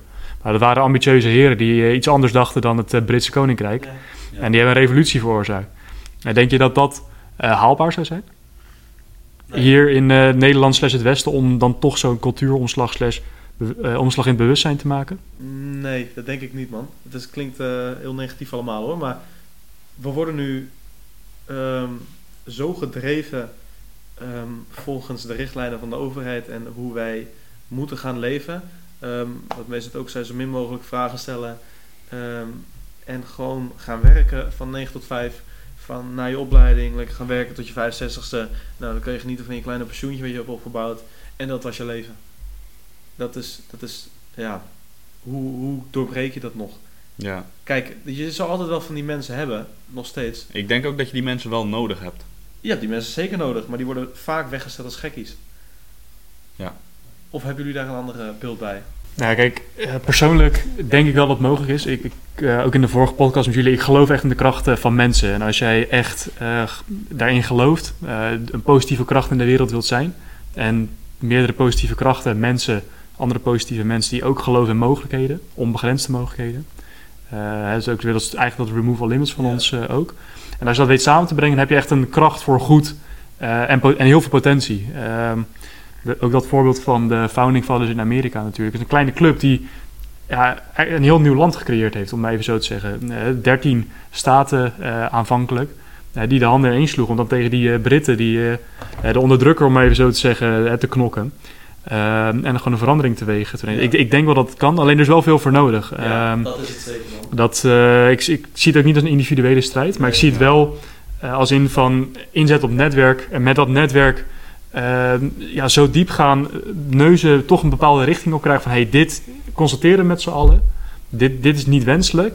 En hoe gaan wij daar hè, als force for good, om maar even zo te zeggen, uh, een verandering in brengen? Hoe kunnen we andere mensen meenemen die inderdaad misschien uh, van nature wat minder uh, strijdlustig zijn? dat als primaire kernwaarde niet per se vrijheid hebben, maar bijvoorbeeld veiligheid doet, dat je die, dat je die mensen toch een beetje meekrijgt ja, zo, ik zit in ieder geval wat meer zo in de, in de race. Maar ik weet niet hoe dat voor Nick en voor Mees zit, jongens. Voor mijzelf is het wel, ik geloof ook dat het zeker mogelijk is. Kijk, zelf heb ik ook al, ik ben wel echt iemand die gaat alles uitzoeken. Weet je wel, ik ga echt al vitamines uitzoeken, ik ga voeding uitzoeken. waar is het minste bewerkt, waar kan ik de beste kwaliteit voeding halen. Tuurlijk, in deze maatschappij, dan moet je er ook meer voor betalen. Weet je wel. Dus ik snap ook voor, een bepaald, voor studenten, weet je, in een studentenhuis, je hebt maar een klein inkomen. Uh, duw zit op je kont, weet je wel. Dus je, je hebt maar een bepaald aantal uh, ja, centjes per maand. Dan snap ik dat je ook wat makkelijker keuzes maakt. En dat is geen probleem, weet je wel. Het, het meeste wat ik ook geloof, in Nederland... In Nederland geloof ik, als je kijkt naar Amerika, naar andere landen... In Nederland is niet alles is echt extreem bewerkt. Nee, het is wel bewerkt, maar het is niet extreem bewerkt. Vergelijk tot Amerika zeker niet. Ja. En uh, wat je in Nederland wel ziet, kijk, daarom, ik kijk soms, weet je wel, kijk gewoon even, pak ik iets, pak augurken, weet je wel, kijk op de achterkant, dan zie ik opeens kleurstof. Okay, waarom, waarom zit er kleurstof in? Zo, zo denk ik wel van, waarom? Weet je, eigenlijk die vraag weer terug te komen van, waarom zit dat erin? En ik snap vaak bij snoep, weet je al 40.000 uh, ingrediënten, tuurlijk, maar dat is logisch. Ja. Uh, maar bijvoorbeeld bij de meest natuurlijke dingen, zoals uh, bijvoorbeeld zalm, ja, als ik pakket zalm uit de Albert Heijn bijvoorbeeld, dan staat er 96% zalm. Maar wat is die andere 4%? Ja, waarom moeten er andere dingen bij zitten? Ja. ja, waarom moeten er andere dingen bij zitten? Dus ja, je hebt bijvoorbeeld ook allemaal van die winkels zoals zo'n Ecoplaza en... Uh, Odin. Ja, bijvoorbeeld. Het zijn allemaal van zulke winkels. Die hebben dan echt... Uh, bijvoorbeeld, die hebben dan weer ook, die hebben ook zalm, maar daar staat dan 97% zalm, 3% zout. Ja, dan weet je, nou, 3 plus 97 is 100. Ja. Dus dan weet je, oké, okay, dat is het. En er zit niet extra spul in. Dus ik zoek het wel heel erg uit. Maar hoe doe jij dat dan, uh, Mees? Ja, ik denk um, sowieso op de achterkant van de producten kijken. Gewoon even doorkijken, even iets verder kijken uh, dan het mooie voorkantje van het product wat je ziet met die mooie Nutri-score die eigenlijk niet zo heel veel zegt. Ja, dat is echt, echt schandalig die Nutri-score, man. Ja. Um, uh, ja, gewoon even wat verder kijken. Ik denk dat dat heel belangrijk is. Um, ja, en dan kijk ik uh, wat minder dan wat jij doet, echt naar um, de natuurlijkheid van de producten. Ik kijk zelf meer naar de micro's en de macro's. Maar ik denk wat jij zegt dat het ook heel belangrijk is. Um, staat er 96% zalm, wat is de rest? Wat hebben ze erbij gestopt? Waarom moeten er kleurstoffen zitten in augurken, wat jij zegt? Dat is echt um, ja, ook een goede vraag om te stellen. En ik denk ook dat uh, ja, dat bewerkte voedsel, ja, dat dat heel erg ook te maken heeft. Of laat ik het zo zeggen, dat de, de daling in testosteron uh, bij mannen afgelopen 50 jaar, dat dat ook heel erg te maken heeft met het bewerkte voedsel. Alle uh, rotzooi die ze erin stoppen. Ja, wat, je, wat je ook ziet zijn eigenlijk drie dingen die eigenlijk eh, mensen echt ziek maakt. En dat zijn uh, zaadolies, dus dan heb je zonnebloemolie, palmolie, raapzaadolie, koolzaadolie eigenlijk, dat is één. Dan heb je processed sugars, weet je wel, eigenlijk wat allemaal gewoon dat, dat suiker wat allemaal toe is gevoegd, ja. die snoep en wat ook. En ze zeggen ook gluten, daar ben ik het niet helemaal mee eens, maar dat verschilt natuurlijk per persoon, want de ene is, is allergisch voor gluten of niet. Ja. dus ja, die drie punten zijn wel vaak wat mensen ziek maken, maar het grootste punt, en daar heb ik vaak ook met Justin over gehad, zijn die zaadolies dat is echt wat mensen wel, uh, wel ziek maakt. Ze zeggen natuurlijk in de maatschappij van ja, er, zit te veel, of nee, ze zeggen, dat zeggen ze niet in de maatschappij. Er zit linoleen, uh, linoleen zuur is het volgens mij, ja. Dat zit erin. En linoleenzuur werd vroeger ook gebruikt voor machines. Dus als je dat een beetje terugkoppelt, dan moet je echt diep op ingaan. Zo ben ik dan. Uh, maar dan weet je eigenlijk al van, ja, als het vroeger al gebruikten voor machines, waarom steek ik het dan nu in, ja, in mijn lichaam? In mijn ik lichaam. denk ook dat misinformatie hier een hele grote bijdrage uh, aan levert. Zeker wat jij ook zegt, uh, het begint al bij die, die gluten, dat daar een discussie over is, is het nou wel of niet goed. Ja. Um, dan, dan kwam ik laatst bijvoorbeeld een filmpje tegen van iemand die beweerde dat uh, kwark eten slecht was, omdat je daarmee allemaal moeilijke woorden en onder andere je, je IGF-1 verhoogt, wat slecht zou zijn. Terwijl dat is als je spiergroei wilt, is dat juist hetgene wat je wil. Um, en dan gebruikt hij moeilijke woorden, waardoor het voor mensen makkelijk aan is te nemen dat het klopt wat hij zegt. Ja. Um, maar er blijkt helemaal eh, ja, heel weinig uh, uh, van waar te zijn van wat hij zegt. Ja, absoluut. misinformatie is denk ik ja, een hele belangrijke bijdrage ook aan waarom mensen dingen eten die niet goed voor ze zijn. Waarom mensen ziek worden. Ja, ja nou, een van de grootste hoaxes, legit hoax, zo ervaar ik het ook, rood vlees. Heel lang, jarenlang is gezegd slecht voor je, kanker, weet ik veel wat, wat je er allemaal van krijgt. Ja. Terwijl volgens mij was het vorig jaar, artikel, ze echt bijna niemand heeft erover gehad. Hm. Nou, dus gewoon toegeven, rood vlees is helemaal niet zo slecht. Nee. Uh, het is ook wel de mate van kwaliteit vlees wat je koopt. Maar als jij perfect mooi vlees koopt, die stopt allemaal stront in. Ja, dat, dat, krijg je inderdaad hè, kanker en weet ik veel. Als je allemaal chemicaliën en allemaal synthetische troep instopt. Maar als jij gewoon rood vlees eet, gewoon puur rood vlees, halal bijvoorbeeld. Dat is gewoon uh, vlees bij de halalslager. Dat is hartstikke goed voor je. Nou, als mens heb je ook in je systeem. Uh, wij kunnen alleen vanuit vlees bijvoorbeeld voornamelijk eiwit omzetten, zeg maar. Wij kunnen niet alleen maar planten eten en dan eiwitsynthese, zoals een gorilla bijvoorbeeld. Uh, ons lichaam werkt niet zo. Een hoop mensen die maximaal vegan zijn en zeggen nou, alleen maar plantjes eten, noem maar op. Uh, die schijnen dat niet te, te, beseffen. Maar wij zijn geen gorillas. Zeggen ja, maar we stammen toch af van apen. Ja, daar kan je ook natuurlijk nog over discussiëren. Ja, um, misschien voor een andere podcast. Uh, maar wij hebben gewoon een ander systeem. Wij hebben gewoon vlees en vis en weet, gewoon een gebalanceerd dieet nodig. In plaats van of alleen maar plantjes of alleen maar vis, of alleen maar vlees, of alleen maar fruit. We hebben het allemaal niet omnivoren. Exact. Um, we, we, kunnen, we hebben niet voor niets de systemen ook qua tanden, uh, qua vertering om vlees en planten um, te kunnen eten. Daar zijn wij toe ge, geëvolueerd. Um, dus om dan uh, alleen het een te, te, te, kiezen of het extreem aan de andere kant. Ik denk dat het dat gewoon een balans tussen vlees, uh, groenten, dat soort dingen dat dat het beste is. Ook als je bijvoorbeeld kijkt naar, um, ik weet niet of jullie die documentaire hebben gezien, Game Changers. Ja, ja, ja dat is wel heel lang geleden. Uh, uh, vegan uh, leven, zeg maar. En hebben ze bijvoorbeeld als um, voorbeeld een groep brandweermannen genomen, um, die dan vlees aten. En nu gaan ze dan veganistisch of vegetarisch gaan ze eten. En dan hebben ze onderzocht dat hun cholesterol en alles vermindert. Maar wat het ding was uh, met die mannen, die aten uh, heel erg bewerkt voedsel. McDonald's, dat soort dingen, allemaal gefrituurde kip, dat soort dingen. En dan gingen ze daarna um, uh, vegetarisch eten, wat wel schoon was, onbewerkt, dat soort dingen. Logisch dat dat vermindert. Exact. Maar eet jij vlees, wat ook gewoon um, ja, schoon is, onbewerkt, um, wat gewoon van goede kwaliteit is... dan krijg je ook die eiwitten binnen die je eigenlijk mist met dat vegetarische dieet. En dan zal dat ook niet het geval zijn. Ja, eens. Ja, wat ik zelf ook met uh, voedsel, uh, om dan nog maar eventjes bij te blijven, ook wel spannend vind. Je hebt tegenwoordig ook steeds vaker GMC of een variant daarvan op de verpakking staan. Weten jullie wat dat is, GMC? GMC ken ik niet. Uh, genetically Modified Crop. Oh, dus dat ze dus in het lab je, je eten aanpassen. Ja, ik vind het een enge ontwikkeling, want je weet niet wat er gebeurt. Dus ze kunnen de DNA-structuur kunnen ze aanpassen. En ik weet wel, don't quote me, ik, ik, neem wel korreltjes uit, maar ik weet wel dat als jij bepaalde aangepaste DNA-structuren inneemt, dat dat jouw eigen DNA ook structureel aanpast. En dat dat best wel snel kan gaan. Ja, geloof ik ook. Ja. En wat ik dan dus eng vind, is dat zij in het lab van alles doen waar jij geen weet van hebt. Dus dat ze zeggen alleen, ja, het is genetisch gemodificeerd voedsel. Uh, en jij eet dat dan. Ja, wat gebeurt er dan met jou? En wat programmeren zij in het DNA van dat voedsel? Wat jij dan vervolgens consumeert. Wat, wat, ja. hoe, hoe denken jullie erover? Wat vinden jullie daarvan? Ik denk sowieso dat um, het voedsel uh, ook volledig wordt gemodificeerd op uiterlijk. Omdat mensen daarop kopen. Uh, en het is bedacht om zoveel mogelijk geld te verdienen. Um, en niet op uh, kwaliteit van het voedsel. Um, dus je hebt nu uh, tomaten die er hartstikke mooi uitzien van buiten. Maar er zitten bijna geen voedingsstoffen meer in. en ik denk dat dat ook een, ja, een heel zorgelijk, zorgelijke ontwikkeling is.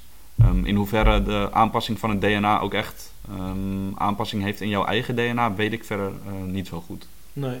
Nee, ik vind het heftig ook dat het gebeurt en dat het in een lab gebeurt waar jij geen weet van hebt. Dat vind ik vooral bizar, man. Je weet niet wat je eet. Ja. Terwijl dat wel bizar is. En nu draag ik daar zelf ook aan bij. Dus zo kritisch ben ik dan weer wel. Want ik, ik, als ik een appeltje zie die er mooi rood rond uitziet, dan koop ik hem, weet je. Weer om dat appeltje erbij te halen. Ik heb gewoon honger, maar goed. Ehm, ja, daar draag ik zelf wel aan bij, maar ik vind het bizar dat, dat wij daar geen weet van hebben. En dat Ja. er toch wel verkocht mag worden. Want er moet, er moet een Nutri-score op staan, dit en dat moet erop staan, maar wat er in het lab gebeurt, nee, dat mogen we niet weten. Nee, maar Exact. wat het ook is, is ehm, volgens mij zelfs in bepaalde soorten brood heb je, staat er gemodifieerd maïszetmeel. Dus ze moeten het erop zetten, maar heel veel mensen lezen eroverheen. Ja. Dus kijk, er staat gemodifieerd, maar wat is er dan gemodifieerd eigenlijk eraan? En hetzelfde wat je net voor een mooi voorbeeld geeft. Je hebt ook eh, groene en zwarte olijven. Eh, groene olijven, die zijn normaal, die zijn goed. Ja. Eh, maar zwarte olijven, als ze heel schoon zijn, als ze heel glad zijn, dan zijn ze door oxidatie... hm, Eigenlijk zijn het nog steeds groene olijven, maar ze zijn door oxidatie zijn ze zwart geworden. Mhm. Dus dan lijkt het alsof je zwarte olijven hebt. Maar als ze heel mooi glad zijn, zijn het gewoon groene olijven die door oxidatie, eigenlijk door chemicaliën, Ja. eh, eigenlijk ja, daar zijn gekomen. Maar dat is hetzelfde als je kijkt naar bijvoorbeeld kaas. Ehm, wij hadden vaak kaas bij echt een kaasboer die het nog op de originele manier maakt. Maar al koop je kaas in de supermarkt en er staat op 48 plus. Die kaas is geen 48 maanden. Die kaas is misschien één maand oud. En het is door middel van chemicaliën is dat gerijpt, zodat het lijkt op 48 eh, maanden oude kaas. En dat is eh, zo bizar dat dat, dat, dat mag. Ja, en dan ook gek vinden dat we dan nu in een periode eh, zitten dat testosteronlevels historisch laag zijn. Dat de gemiddelde 19-jarige een testosteronspiegel heeft van een man van 70. En dan allemaal handjes in de lucht. Oh, hoe kan dat nou? Ja, se- serieus, weet je wel? Serieus? Eh, het is de consequenties van onze eigen actie. En het ding is ook, hè, kijk, het is makkelijk om te wijzen naar de bedrijven en instanties die dit doen. Eh, want zij zijn ook een actor hierin. Maar wij zelf als samenleving ook. Ja, Ja, dus, eh, wij, wij, wij, laten het ook toe. En dan vraag ik me af, ja, hoeveel is er voor nodig voordat we dan toch met z'n allen zeggen... Hé, ja, wat hier gebeurt, hè, wat Jim ook zei, dit is bizar. Eh, waarom weten wij dit niet? Waarom, eh, waarom, staan we dit... ja. eh, precies, kijk, ik heb af en toe ook, ben ik ook nog iets te makkelijk. Ehm, maar het ligt dus ook bij onszelf. Hè. Hoe kan het dat zij bestaan? En daar is ook iets anders voor nodig. En dat zijn wij dan toch zo. Wij zijn dus ook deel, deels eh, de oorzaak van onze eigen, ja, tussen aanhalingstekens, problemen. Ehm, maar het is natuurlijk een complex eh, vraagstuk. Hè? Kijk, met de vingertjes wijzen altijd makkelijk, maar ook een stukje zelfreflectie weer. Hè? Wat, wat doen wij zelf? Of wat doen wij niet? Ja. Misschien is dat nog wel een interessantere vraag. Ja, dat is ook denk ik een stukje gemak. Ehm, gewoon de makkelijkste weg kiezen. Of denken van ja, het is niet mijn probleem. eh, iemand anders moet het oplossen. En ik vind het ook heel zorgelijk dat eigenlijk die nieuwe... eh, ehm, eh, dat het testosteron zoveel lager is. Dat dat wordt gezien als het nieuwe normaal. Van oh, dat zal wel normaal zijn dat eh, het testosteron nu dit niveau is. In plaats van te gaan kijken waardoor komt het en een oplossing te zoeken... wordt er gewoon gezegd van ja, dat, dit is gewoon het nieuwe normaal. Het is gewoon hoe het is. Ja, ze geven natuurlijk daarover geven ze eh, andere voorbeelden die in de wereld omgaan, dat daardoor het testosteron is eh, gezakt. Daar ga ik niet verder op in, want dat eh, is niet voor deze podcast. Ja. Maar gisteren ook bijvoorbeeld, ik was bij, een, bij mijn coach eigenlijk en er stond iets thuis en hij had, had zijn vriendin gegeten, die was niet echt super met voeding bezig of zo. Maar daar stond eigenlijk ook een soort, waren zo van die appelkaneelrepen of zoiets. En dan stond er dus, ik zat gewoon achterop te kijken, en er stond dus appelvulling. 46% appelvulling. Er stond er fructose, suiker, gist, eh, allemaal, allemaal 20 verschillende dingen. En dan stond daarna 4% appel.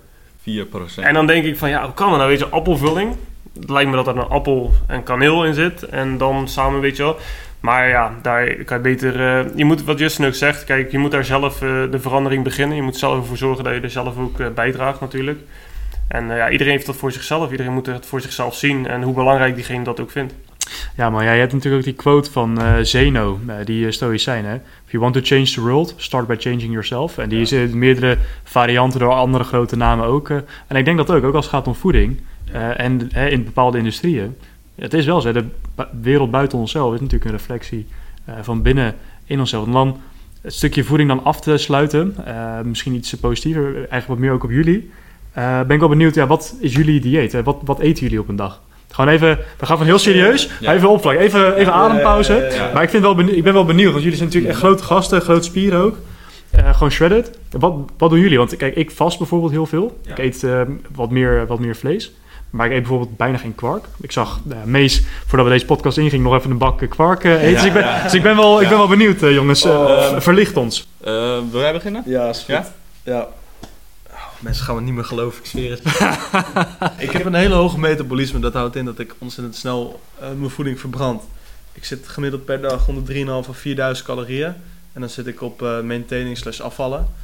Ja, als ik wil bulken, zit ik op de 4,5, 5. Dat is echt kut. Kut en leuk op hetzelfde moment.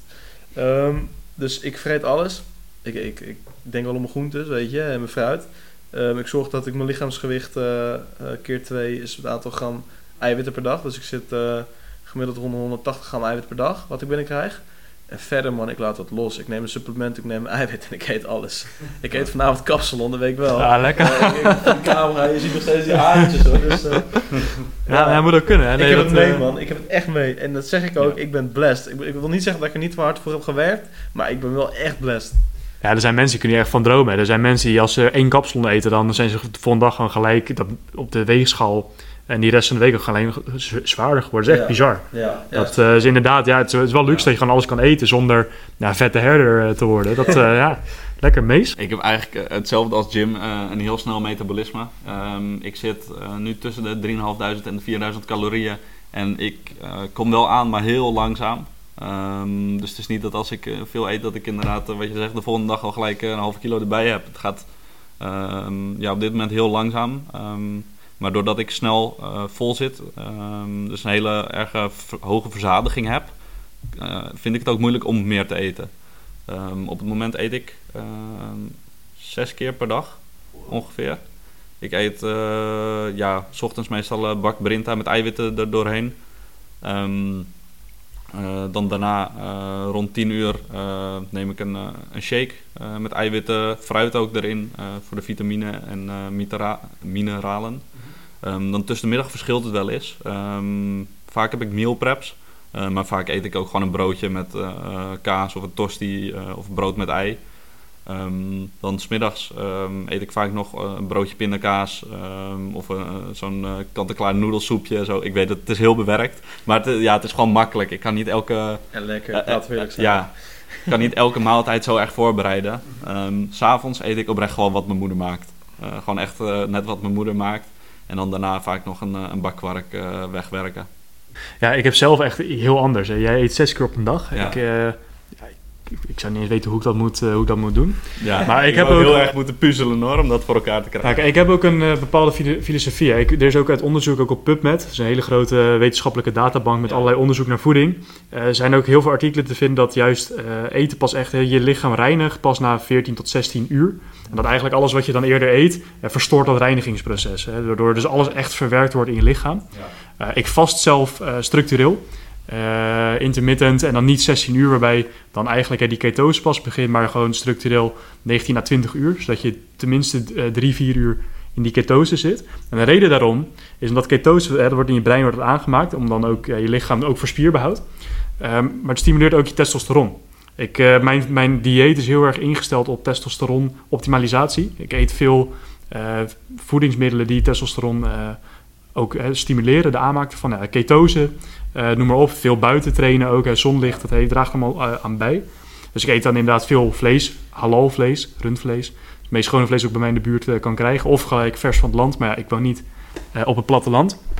Dus dan is de halalslager bij mij in de buurt zeg mijn beste vriend. Kiwietjes bijvoorbeeld, ook fruit of bepaalde groenten die dan toch ook dat testosteron stimulerende effect hebben. Eh, en wat ik dan doe is, ik eet eigenlijk dan twee maaltijden op een dag. En dan tussendoor misschien een eh, klein, klein snackje. Eh, maar dat is dan wel echt een mega, mega bak. Zeg maar. Ik noem hem ook altijd de bak. Ik heb hem ook van mijn broeder Nick. Die, die kwam er een keer mee, het, een van de eerste keer dat ik bij hem thuis kwam. Grote bak rijst. Toen nog wat tonijn erin en wat ei. En met sriracha saus. Dus ondertussen is dat veel meer geworden.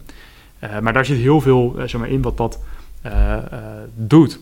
En ik moet zeggen, ik, ik, eh, hè, mijn gewicht blijft spier, ik word droger. Maar ik begin ook weer langzaamaan wat zwaarder te worden. Eh, sterker. Ehm, en ik doe dat nu echt, echt wel pas sinds dit jaar. Ik deed wel altijd gewoon intermittent fasting eh, voor tenminste anderhalf jaar ondertussen. 16 uurtjes. Maar toen kwam mijn coach, Hassan, HS Visio op Instagram. Die eh, zei van bro, eigenlijk de, de beste time window van dat vasten, die verspil je door de vast te breken voordat je gaat trainen. En ik had ook wel eens inderdaad een training, had ik wat gegeten. dacht ik, jezus, waarom gaat het zo kut dan? Maar dat eten verteren kost best wel veel energie. En toen zei hij van, ga, nou eens eten na je training. Had ik nog helemaal dit niet uitgelegd. Hè? Ook nog niet eh, dat voor testosteron was. Ga dat nou gewoon eens doen. Ik doen. Ik zei, well, yo, dit is, dit is sick. En toen kwam nou, ook dit, zeg maar, ook met PubMed, eh ook wat meer research doen. En dan ja, kwam ik hierbij. Ik moet zeggen, het bevalt, eh, bevalt goed. Wel interessant. Want het is echt ja, precies het tegenovergestelde eigenlijk van, van wat ik doe de hele dag door eten. Wat ik ook wat ik wel heb gelezen over het vasten is eigenlijk vanuit het natuurinstinct. Um, is de bedoeling eigenlijk dat jouw lichaam krijgt energie uit hetgene omdat je lichaam geen eten heeft, dat je eigenlijk achter je antilopen aan moet rennen met een speer om hem te vangen om te gaan eten. Dus dat je eigenlijk, doordat je geen eten hebt, juist energie hebt om iets achterna te jagen. Ehm, en inderdaad, wat jij zegt, dat verteren, dat kost juist veel energie. Dus daarom heb je juist minder energie. Merk je dat ook, dat je meer energie hebt door, door de dag heen? Ja, absoluut. Ja, ik ben echt prime. Ik ben echt, uh, als, als ik wakker word, zeg maar, en dan vooral als ik ook wat langer wakker ben, dat hongergevoel komt. Ik, ben sharp, man. Ik weet niet wat dat is. Ik heb echt niks nodig. Ik neem af en toe een, eh, kopje koffie om dan echt dat hele heftig hongergevoel een beetje te uh, remmen. Want dat werkt dan altijd wel fijn. Er zit natuurlijk ook een klein beetje cafeïne in. Ehm, maar als ik dat dan doe, ja, ik, kan, ik kan gewoon de hele ochtend tot, uh, totdat ik ga trainen en na trainen ben, ben, ben ik gewoon klaar. Ik, geen, geen brain fog, helemaal niks. Uh, terwijl ik eerder, toen ik dus ontbeet, ook vooral in de wintermaanden altijd, voelde ik me altijd gewoon minder goed dan in de zomer. Ik dacht, oké, okay, zonlicht heeft daar wel een effect op natuurlijk. Ja. Maar toen dacht ik van, ja, maar hoe kan het dat dat verschil zo groot is? Dat ik me in de wintermaanden echt banaan voelde en in de zomer echt echt het mannetje. Gewoon niet, hè, want dan ja. deed ik altijd ja. vast. Ook gewoon een beetje voor die sixpack, een beetje verkeerde beweegreden toen nog, toen ik wat jonger was. Maar toen deed ik dat wel. En op een gegeven moment werd ik me er ook van bewust. Ik dacht, hé, hey, maar wat ik in de winter dan dus doe, is weer ontbijt. Dat is eigenlijk het enige wat ik echt structureel anders dan doe in de winter. Dan niet. Dus op een gegeven moment dacht ik, nou, ik ga gewoon in de winter ook vasten. In ieder geval 16 uur. En toen merkte ik ineens van, hé, hey, helemaal niet meer dat neerslachtige gevoel in de winter. Inderdaad dan weliswaar een gebrek aan vitamine D. Maar ik merk, hé, hey, yo, ik voel me gewoon eigenlijk bijna zoals in de zomer. Dat, uh, dat was echt sick. En toen dacht ik, hey, ik ga dit gewoon voor de rest van mijn leven doen. en uh, nou, toen kwam dus Hassan ook. Die zei van, nou, als je dat dus ook nog zo en zo doet. Ja, sindsdien is het echt niet normaal hoe hard uh, ook met, met sporten gaat. Die hou ik ook wel in gedachten, man. Ja. het is echt, het is echt het, is wel, het, is, het is wel wennen. Dat moet ik wel zeggen. maar als je, als je het eenmaal kan, zeg maar. Dat is ook een stukje discipline. dat is natuurlijk ook heel belangrijk. Dan, ja, ik weet niet. Ik, voor, voor, mij is het echt next level gaan. Het is echt next level gaan is wel, uh, wel leuk. Ook over coach dan misschien het laatste onderwerpje om aan te snijden. Want we zijn echt al nou zie ik, ja, een uur en tien minuten, kwartier onderweg of zo. Uh, het gaat hard. Leuk, echt mooi gesprek ook met jullie. Uh, vorige podcast met jullie was ook echt, uh, ging echt als een raket. maar om dan bij het stukje coach te blijven. ik heb een coach, Nick heeft een coach, maar hebben jullie een coach? hebben jullie dat wel eens overwogen? zo ja, waarom? Zo nee, waarom niet? Ben, ik ben wel benieuwd. Ja, ik heb... Ga jij, uh... Ja, is goed. Uh, ja, ik heb op het moment geen uh, coach.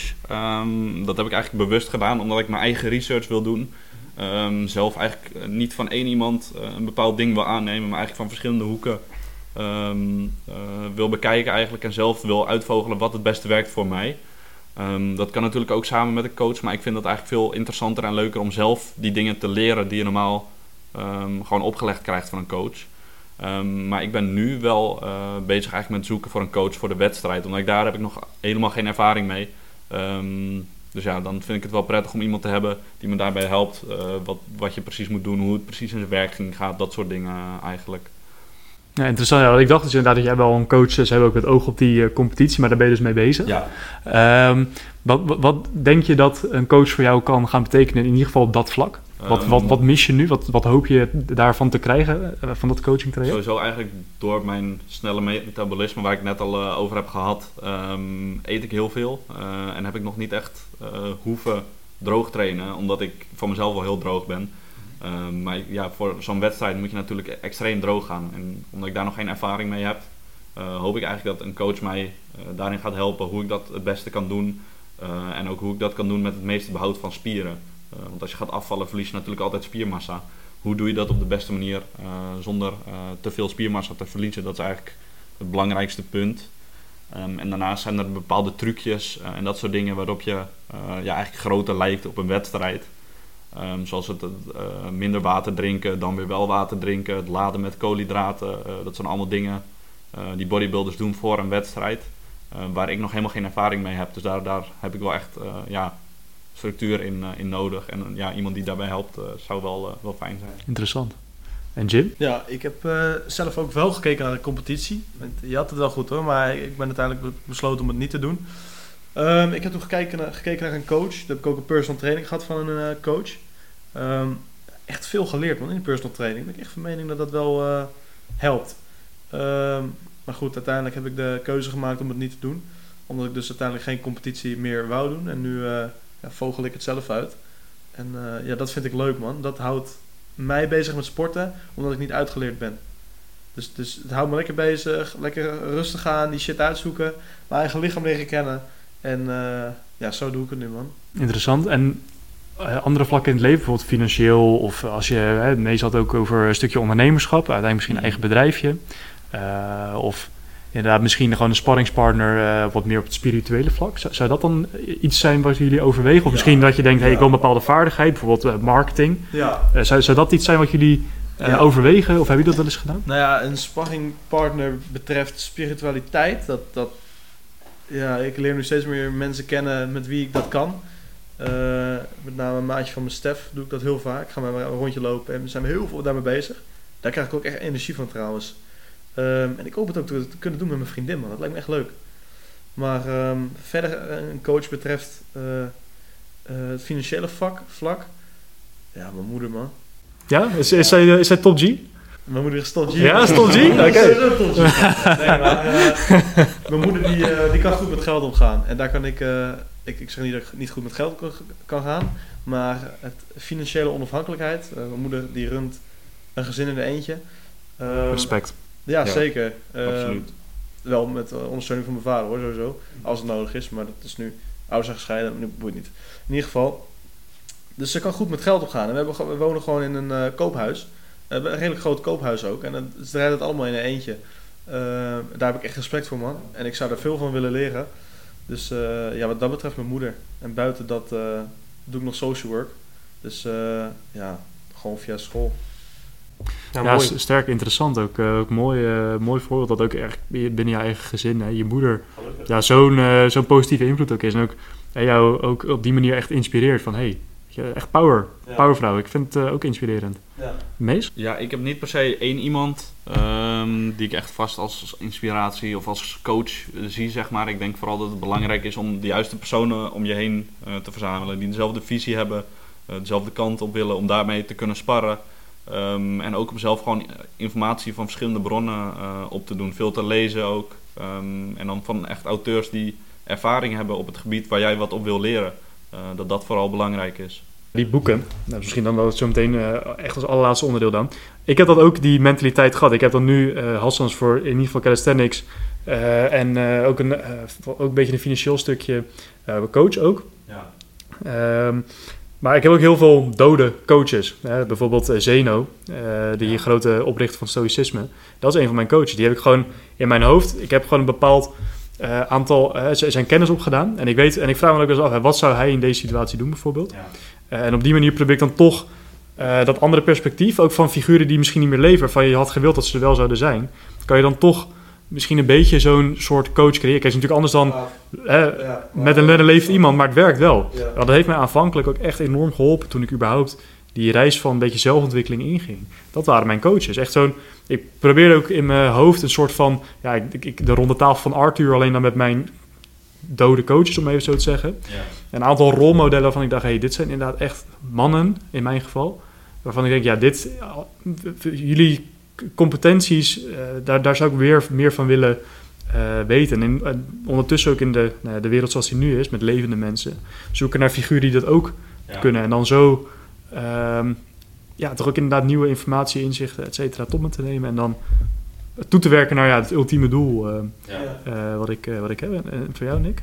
Nou, precies hetzelfde. Eigenlijk bij mij is natuurlijk de levende, heb ik natuurlijk David Goggins, wat bij mij eigenlijk wel echt inspirerend is. David Goggins eigenlijk heeft twee boeken. Hij heeft dan Can't Hurt Me en Never Finished. Never Finished is eigenlijk een ja, soort ja, weer een beetje hetzelfde als Kent Hurt Me, maar eigenlijk weer uitgebreider. Dus gaat hij weer verder in op wat hij allemaal gedaan heeft en, uh, enzovoorts. Dus dat is ook wel een echte inspiratiebron. Uh, en daarnaast mijn coach, uh, Edward, is eigenlijk ja, bij het hardlopen. Hij heeft gedaan wat ik wil doen. Hij is Nederlands, derde op Nederlands kampioen geworden. op wereldkampioen geworden of wereldkampioen naar het wereldkampioenschap gegaan. Dat was hem. Geen wereldkampioen geworden. Ook volgens mij vierde of zo geworden op anderhalf seconde. Scheelt ook niks. Um, dus ja, het is wel, wel mooi. En ja, zulke mensen, ja, daar moet je gewoon van leren, vind ik. Ja, eens. En dan, om dan echt naar het laatste onderdeel van de podcast te gaan boeken. Uh, jullie gaan we aan jullie lezen. Wat is jullie top 3? Welke drie boeken moet iedereen echt gelezen hebben? Uh, ja, ik heb sowieso mijn eerste en die is mhm. voor iedereen wel uh, bekend, denk ik. How to Win Friends and Influence People. Daar ja. heb ik echt veel opgestoken. Um, Can't Hurt Me van David Goggins heb ik veel van geleerd. Om toch Remove All Limits. Vooral hij, man. Die, Vanuit mentale vlakken. Dat, is gewoon, dat gaat gewoon bij David Goggins heel ver. En dat is gewoon uh, prachtig. En dat is bij mij ook een punt om gewoon elke keer als je dan weer pijn hebt in de, in de fitness of als je aan het hardlopen bent, dan denk je gewoon nee, gewoon niet zeiken. Nee, nee, precies. Cool. En uh, eh, 12 Rules for Life, alleen ik vond hem wel taai hoor. Die van Peterson? Ja. ja. ja het is wel, ik, vond het, ik vond het moeilijk om erheen te komen, want hij gebruikt heel veel moeilijke woorden. En ik lees hem in het Engels. En uh, toen heb ik een Nederlandse vertaling gehaald. Maar dat is dan net niet lekker vertaald, weet je. Ja, dat is altijd. Hè. Dat is, ik lees zelf ook altijd de boeken echt gewoon zoals in de taal die het geschreven, zoals het geschreven is. En dan is het best een Engelse vertaling, want op een of andere manier leest het toch vaak wat lekkerder weg. Ook al is het een beetje een crappy vertaling dan Nederlands. Ja. Uh, die is die ook. Maar interessant ook, inderdaad, uh, Jordan Peterson. Ja. Ik heb eigenlijk bovenaan uh, twee overeenkomsten met jou. 12 of Rules for Life. die ben ik nu dan aan het lezen, die ben, ben ik, heb ik bijna uit. Mm -hmm. en How to Win Friends and Influence People heeft mij echt heel erg ja, geholpen in deze mindset te komen eigenlijk. Um, en daarnaast heb ik uh, Who Says You Can't van Daniel Chidiak, heet hij geloof ik. Um, gaat eigenlijk over ja, je, je eigen limiet doorbreken.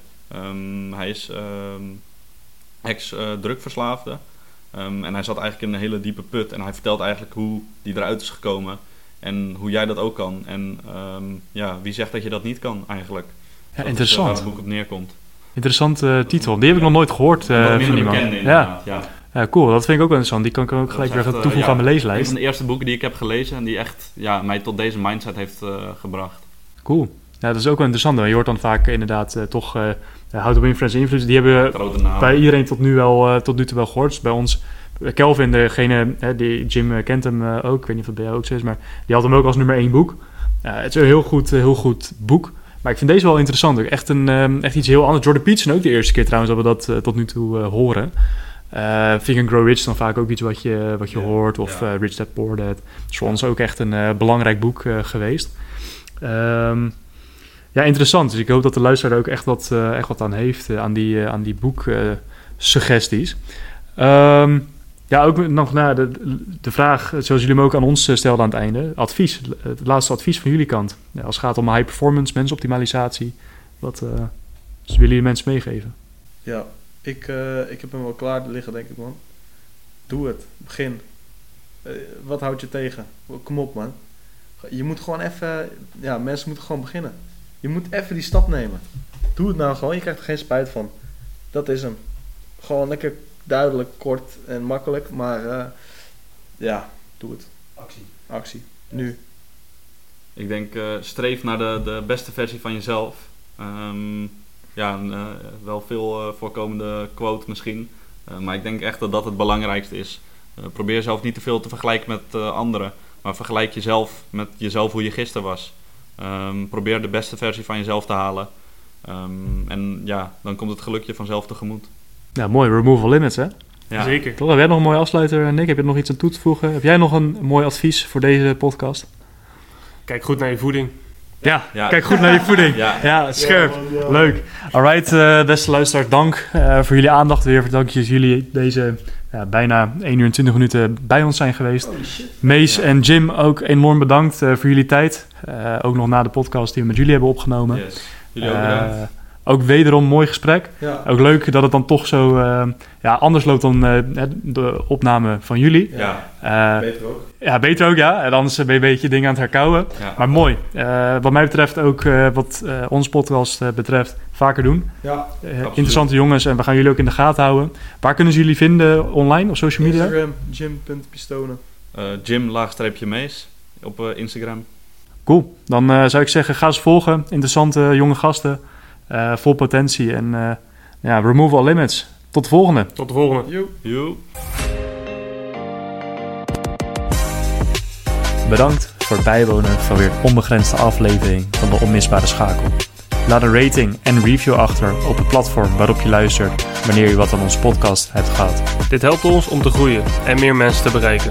Om ze zo te helpen hun onbegrensde zelf te realiseren aan de hand van de Remove All Limits Mindset. Als jij er klaar voor bent om je onbegrensde zelf te omarmen, ga dan gelijk naar www.eonos.nl en neem de eerste stap.